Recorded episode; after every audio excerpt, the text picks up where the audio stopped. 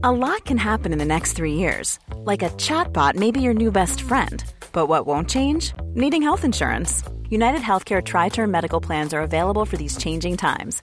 Underwritten by Golden Rule Insurance Company, they offer budget friendly, flexible coverage for people who are in between jobs or missed open enrollment. The plans last nearly three years in some states, with access to a nationwide network of doctors and hospitals. So, for whatever tomorrow brings, United Healthcare Tri Term Medical Plans may be for you. Learn more at uh1.com.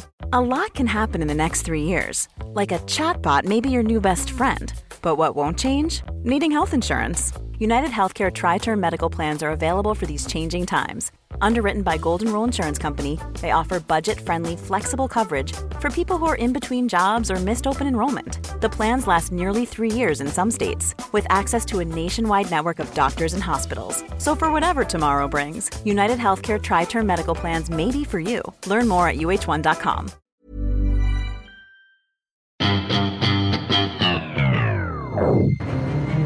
Police now say they have a suspect in the case. Let's go to hon var ute på en motionsslinga och eh, kom inte tillbaka eh, på avtalad tid. One concern the police obviously has is that six months on, flow of som misstänks för mord på en kvinna i Frankfurt 1992. Någon har blivit knivhuggen uppe på NK på Filippa K. Vi behöver ambulans hit med en gång. Så var polisen här. Jag, jag, jag håller på att dö. Vad är det som har hänt för något? Det vet jag inte. Jag, jag, jag, jag är helt blodig. Ja, Och jag har sår överallt. okej. Och jag tror att min vän är död i sängen. Ja, det är bråttom. Jag håller på. Hej och välkomna till Crime-podden, Lillelördag Crime. Ja, Idag ska vi ta upp ett mål som har fascinerat och eh, vad ska man säga, förfasat väldigt många människor. ja, alltså det här är ju kanske ett av de mer mest spännande brotten. Om man säger så helt kliniskt fritt från känslor. Ja, det är bra. Eh, Man får inte göra henne till någon så här hjältinna som jag tycker lite Dominika Persinski gjorde. Som skrev en beundrande krönika om Johanna Möller. Så här, Vem har inte velat bete sig så där? Det här är inget beteende som på något sätt ska glorifieras. Absolut inte. Sen är Johanna Möller oerhört spännande för att hon bryter från en kvinnonorm. Och där kan jag bara hålla med Dominika i den texten hon har skrivit. För att hon inte gör någonting som någon annan kvinna någonsin vågat göra. Men inte helt ovanligt i en manshimmel. Eh, idag ska det alltså handla om Johanna Möller. Eh, det hela börjar eh, att en kvinna ringer in till SOS Alarm, hennes mamma. ja, jag dör snart. Jag har stora sår på kroppen. Jag blöder. Ja, Hela kroppen. hela kroppen. Ja, det är stora hål på mig. Så hur, då får du beskriva vad då stora hål. Hon har blivit utsatt för ett mordförsök men såklart är hon ju helt jävla förvirrad. Hon fattar ju ingenting. De ligger hemma i sin sommarstuga och någon kommer in och eh, bestialiskt försöker mörda dem med en kniv. Det är väldigt svårt att knivmörda någon generellt. Alltså det är ju ett svårt vapen att hantera om man inte liksom är van med det. Ja, gud ja. Och det är också jävligt kallblodigt att på kvällen gå in och, och bara så här... Ja, det är ett väldigt bestaliskt mord om man säger så. Hugga ihjäl någon. Ja, Usch. precis. Men eh, så som eh, det brukligt är då så är det oftast någon eh, som står mordoffret nära som har utsatt personen för. Så att först blir Johanna Möllers mamma eh, anklagad för mordet på Göran Möller. Är det sant? Ja. Dagen efter då så anhålls hon då för mordet på sin man. Men det avskrivs ju direkt. Och ganska snart så misstänks ju deras dotter. Men det är väldigt intressant när man eh, hör om det här fallet att eh, han som kommer då ska berätta det hemska beskedet för Johanna då att hennes pappa har mördats. Hon, hon visar inte så mycket känslor. Man kan ju tänka sig själv om någon hade kommit på morgonen och sagt att din pappa och din mamma blivit mördade. Då hade man ju rivit upp himmel och jord. Ja, ja men det skulle, man skulle ju inte ens kunna föreställa sig hur man skulle reagera. Ett år tidigare då, nästan på dagen, så har hennes exmake då hittats död i sjön nedanför stugan. Hjälmaren. Hjälmaren. ja, samma stuga som Johanna Möllers föräldrar blev utsatta för mordförsöket. Mm.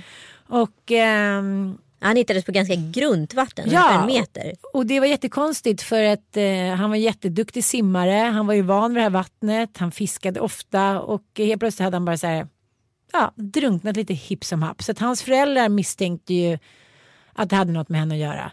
Men då hade hon sakta men Johanna hade ju sakta men säkert då byggt upp en historia om honom.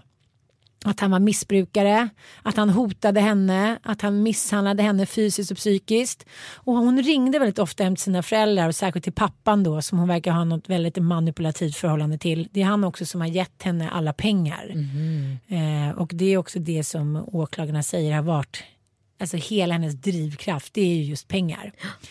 Men eh, då har hon ringt sina föräldrar och sagt att han slår mig, han hotar att krossa min skalle, han är missbrukare, han knarkar. Hon har alltså byggt upp en historia kring honom så det ska se ut då som att, eh, att hon har jävligt tufft och behöver hjälp. Men det är lite som Martin Jonsson gjorde med Lotta som vi pratade om eh, veckan innan. Eh, att så här, han ringde hennes arbetsgivare och familj och vänner och berättade vilken opolitlig människa det här var.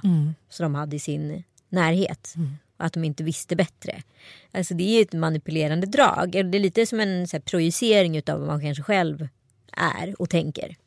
Jo men om, om man läser historien om då Johanna så har hon ju ganska tidigt gått från så här en glad och framåt gymnastiktjej till att så här, bli mer introvert och liksom inte så då levnadsglad under tonåren. Hon har ju själv sagt då att hon inte tycker att hon har blivit förstådd. Ingen har hört och sett henne. Systern har varit favoriserad och så liknande. Eh, något som eh, föräldrarna i alla fall och systern inte säger sig stämma. Men det som hon gjorde då var att hon ringde till sin pappa som kastade sig i bilen och mamma tyckte men ska vi inte vänta lite och se vad som händer. Alltid halvvägs så ringer hon då tillbaka och säger så här, nej men nu har det lugnat ner sig pappa. Och så till slut så fick hon ju då sin pappa att köpa en lägenhet till henne. Så att hon skulle komma ifrån då den här relationen. Sen några månader senare, då har de gått och gift sig. Okej. Mm. Sen visar det sig att de kommer hem från en resa i Egypten och han måste då söka läkarvård för hon har försökt mörda honom med en giftspruta. Som man brukar göra. Så att allting, ju mer man liksom, eh, alltså ju mer man eh, lär sig och läser på om den här kvinnan, det här är liksom, hon verkar ha levt sin egen otroligt manipulativ, manipulativa värld. Och Mohammed då som eh, hennes expojkvän som eh, försökte då och lyckades mörda pappan och mamman. Han har då uppgett att han är 18, ibland 25. Eh, och de träffades på den flyktinganläggningen då som hon drev. Mm. Och kom du ihåg det här eh, det som hände också för ett par år sedan att det var en kvinna som det skrevs om då i Eskilstuna kommun som hade haft sex med två av pojkarna. Just det, Ja, det var hon. ja det var hon. Och eh, det här blev ett jävla liv men eh, åtalet lades ju ner för det fanns inga bevis för att de eh, var tvingade då. då. Nej. Nej, men sen några veckor senare så blev ju de brutalt misshandlade, de två pojkarna. Ja. Och det var ju någonting som hon då hade satt i görningen. Men det var intressant det där med den här iskalla reaktionen för jag kommer ihåg när de eh, plockade in Helge Fossmo efter barnflickans eh, brott då på Helge Fossmos eh, fru. Ja. Att han satt smålog och nästan gnolade. Ja. Och var liksom, och han hade också en historik med att han hade dödat frun innan då i badkaret med ja, med vad heter det, gro, grova mängder smärtstillande piller. Eh, och eh, hon hade då ramlat i badkaret och eh, dött helt enkelt av en drunkningsolycka. Det är samma tillvägagångssätt. Två olika psykopater på två helt olika sätt. Man, Jo. kvinna.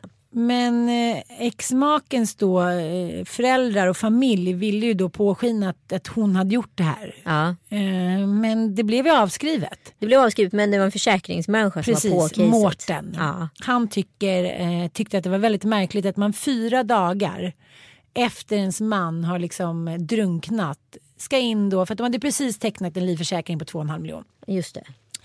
Han sa att det brukar ta minst tre till fyra månader innan någon ens orkar ta tag i den här pappersexercisen. Och eh, då brukar man ringa in och fråga vad man ska göra. Och hennes svar då var att ja, hon, eh, hon är som person, superwoman som hon kallar sig själv.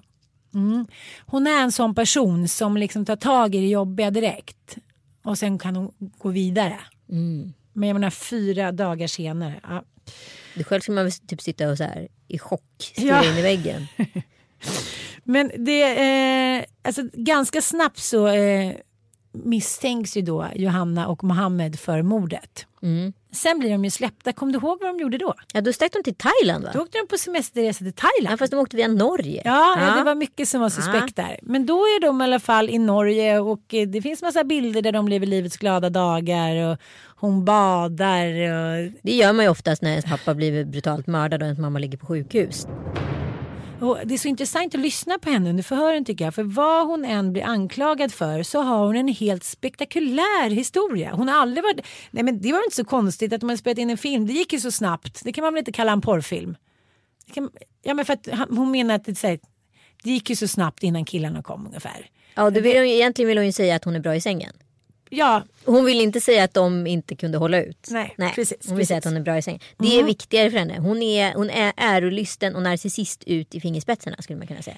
Ja, och mamman då som hon absolut nekar till har någonting att göra med mordet. Eh, Mamman ligger ju liksom men, svårt skadad på sjukhus och pappan som hon då säger sig älskat över allt annat är död. Ändå så åker de då på semesterresa till Thailand och lever li- livets glada dagar. Redan där är man ju så här, men hur tänkte hon där? Ja, men det är det här ut? som är så konstigt för liksom, man får inte ihop det för själv man, för de poliserna tog väl henne va, för att hon liksom vakade utanför sjukhuset, hon gick aldrig upp på sjukhuset. Nej. De ville mer så här säkerställa sig om att mamman hade dött än inte. Och mitt i den här drevet och allt vad man ska kalla det för när hon kommer hem från Arlanda, då går de, passar de på att göra en intervju med både Aftonbladet och Expressen. Men hon, hon är ju en klassisk här, narcissistisk... Madsen Ja, hon vill bli en superstar. gjorde också mediaintervju innan han ens liksom Alltså det är så, för mig är det så sjukt. Ja, men det Media här- skulle man ju sky in i det sista om man nu visste att man var skyldig till någonting. Ja, ja, men man skulle ju spela den så här ledsna dottern som var hemma och vakade vid sin mamma. Men det är ju så här, det är ingen i familjen som verkar särskilt förvånad. Nej. Eh, barnen har ju till och med sagt när hennes exman då hittar stöd, ja nu har hon lyckats Oj. och liknande.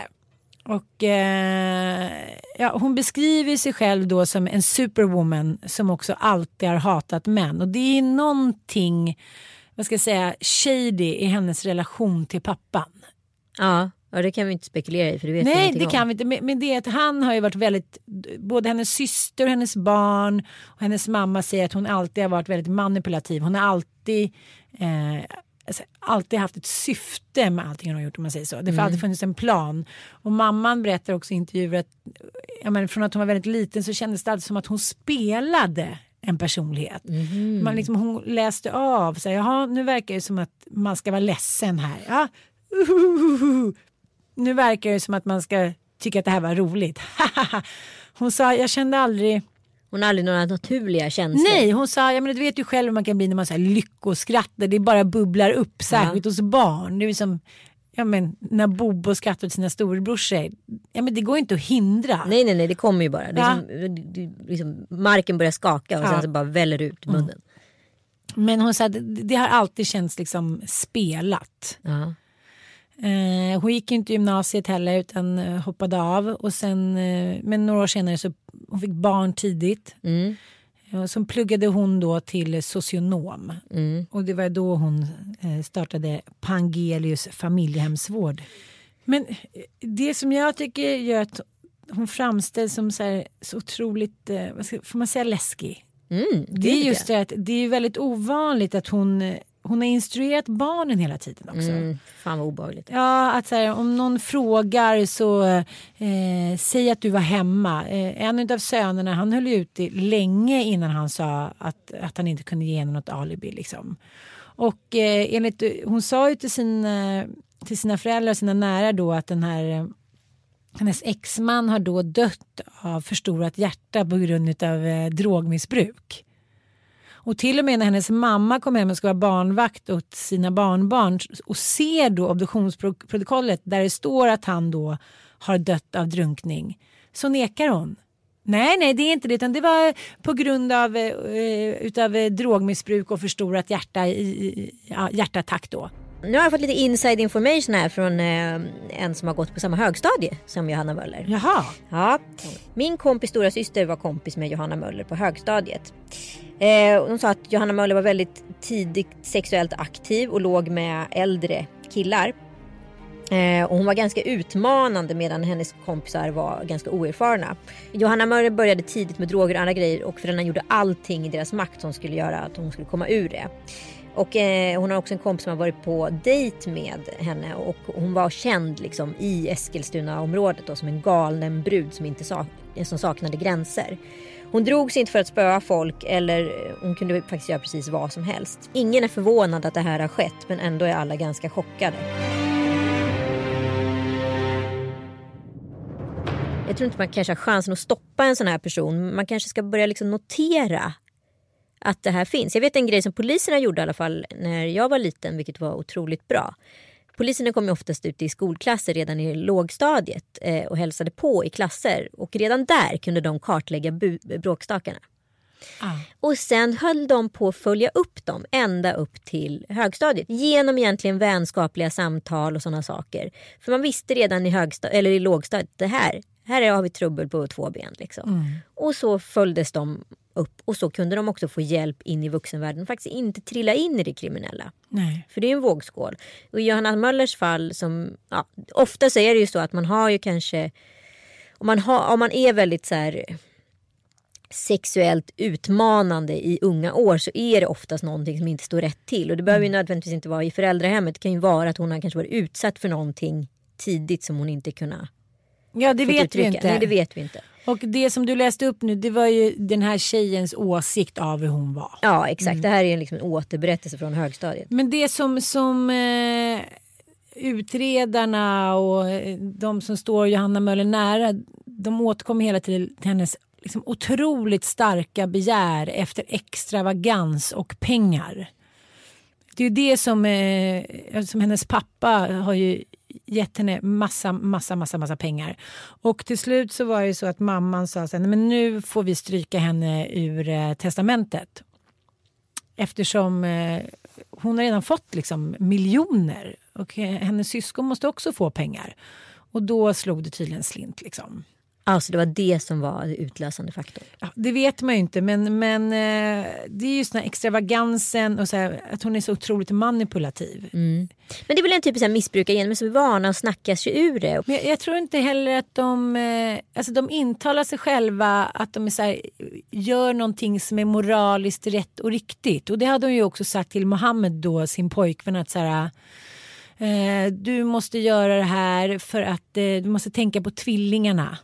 Att om det är jag som gör det och det kommer komma ut då kommer deras liv förstöras. Ja, så att, eh, mycket sådär att hon är ändå den goda matriarken, den goda moden som bara vill se till att alla har det bra. Mm. Och spelar man inte med på det då måste man undanröjas. Men jag tänker också att det här kanske är Johanna Möllers världsbild. Det är så här hennes liv ser ut utifrån hennes perspektiv. Hon ser sig som den gode fen mitt gode i samariten. Hon utbildar sig till socionom och jobbar med liksom som social sekreterare? Ja. Eller? Ja. Sen tänker jag så här, både starka kvinnor och män. Man tänker så här, varför har inte hennes föräldrar åkt hem och pratat med hennes man och försökt se så här, vem är han?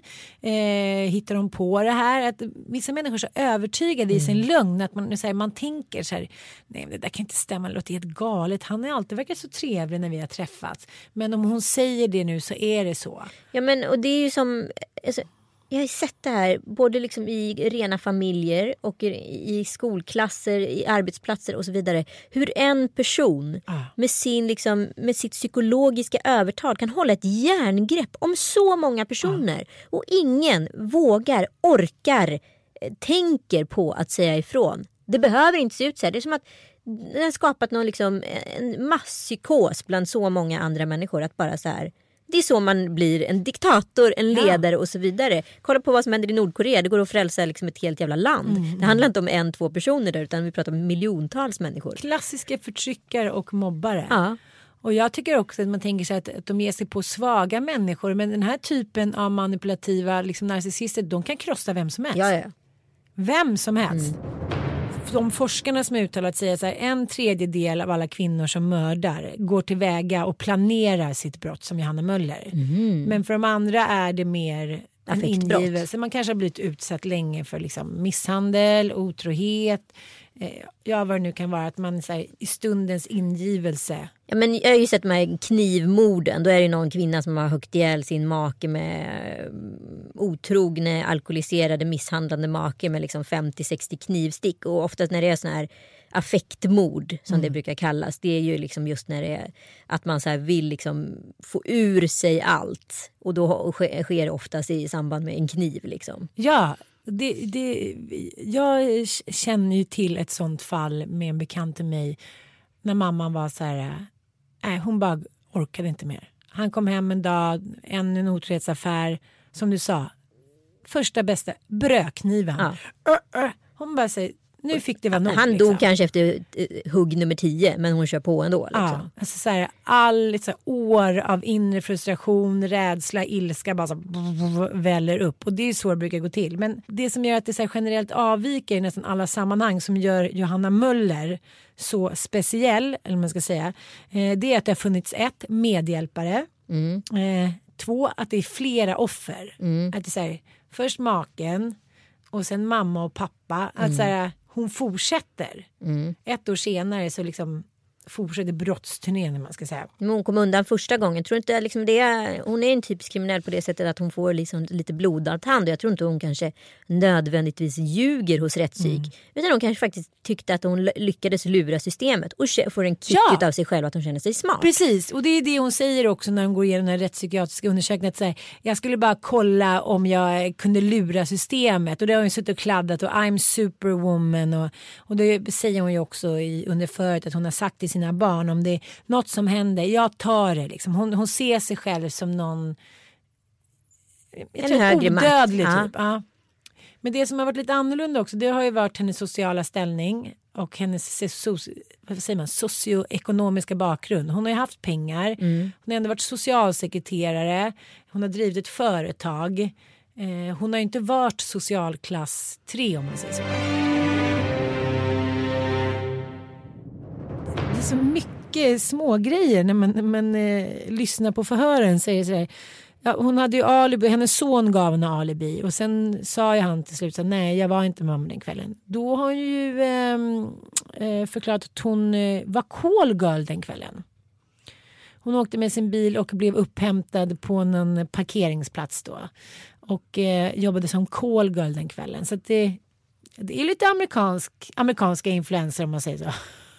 Ah, jag, tycker, jag tänker väldigt mycket på familjen här. Hur man liksom lyckas rättfärdiga för sina barn och normalisera det här. Och att de till och med typ också är så utmattade utav henne så de bara så här, tycker det är liksom, snar, förr eller senare så åker de dit.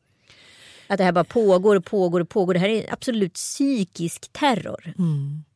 Men det är också så att många av- jag menar, i hennes familj har vittnat om att då hon har försökt att få dem hjälpa henne och mörda den här då, hennes exman eh, Aki Passela eller att ljuga för polisen. Och det är också en sån här märklig tro på sig själv att man så här, ska få med sig alla på tåget. Förstår du vad jag menar? Men jag tänker har sagt ändå- till sin son så här, du kanske skulle bara kunna putta en bokhylla på honom då.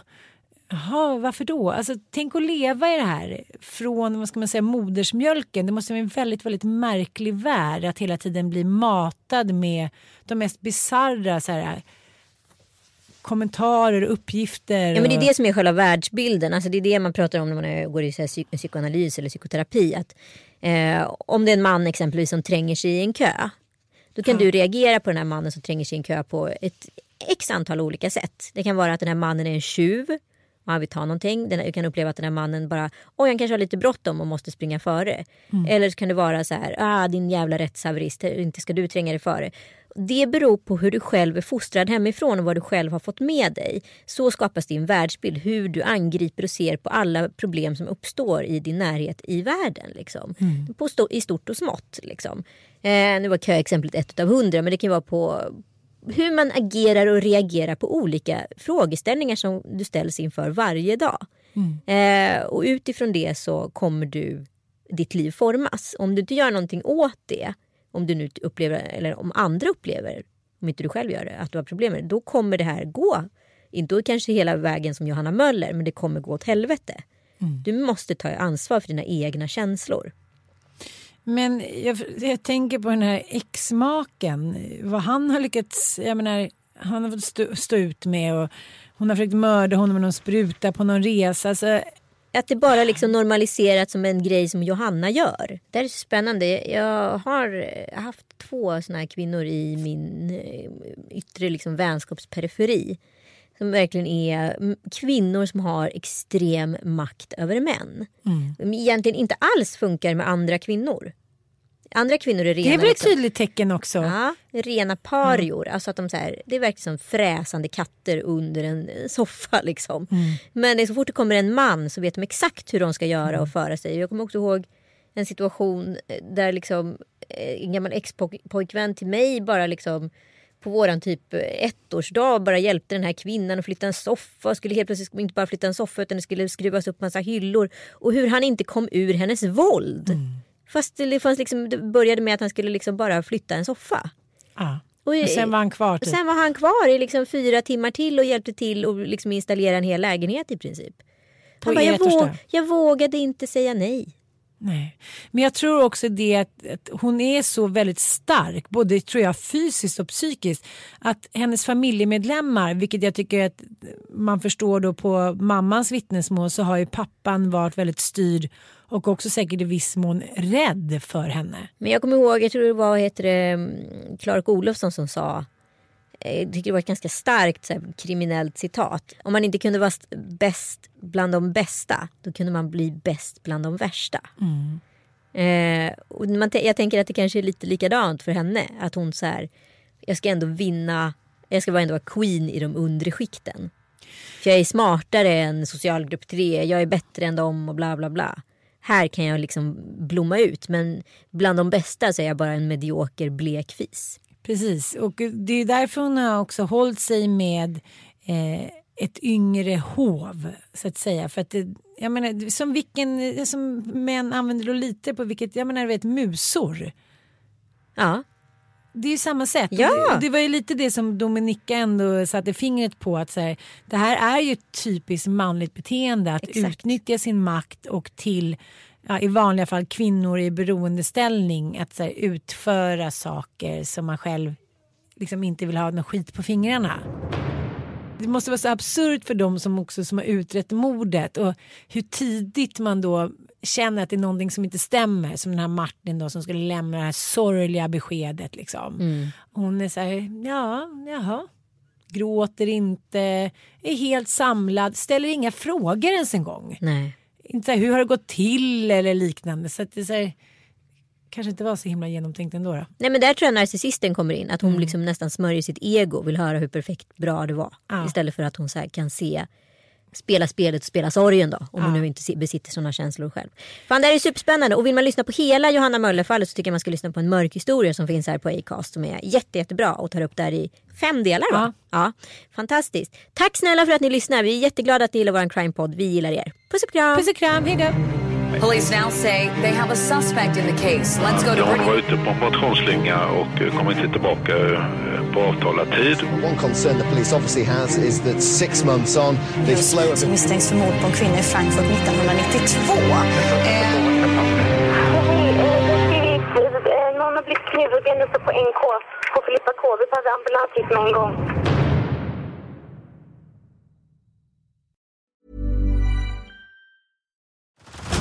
Head over to Hulu this March, where our new shows and movies will keep you streaming all month long. Catch the award winning movie Poor Things, starring Emma Stone, Mark Ruffalo, and Willem Dafoe. Check out the new documentary, Freaknik The Wildest Party Never Told, about the iconic Atlanta Street Party. And don't miss FX's Shogun, a reimagining of the epic tale, starring Anna Sawai. So, what are you waiting for? Go stream something new on Hulu.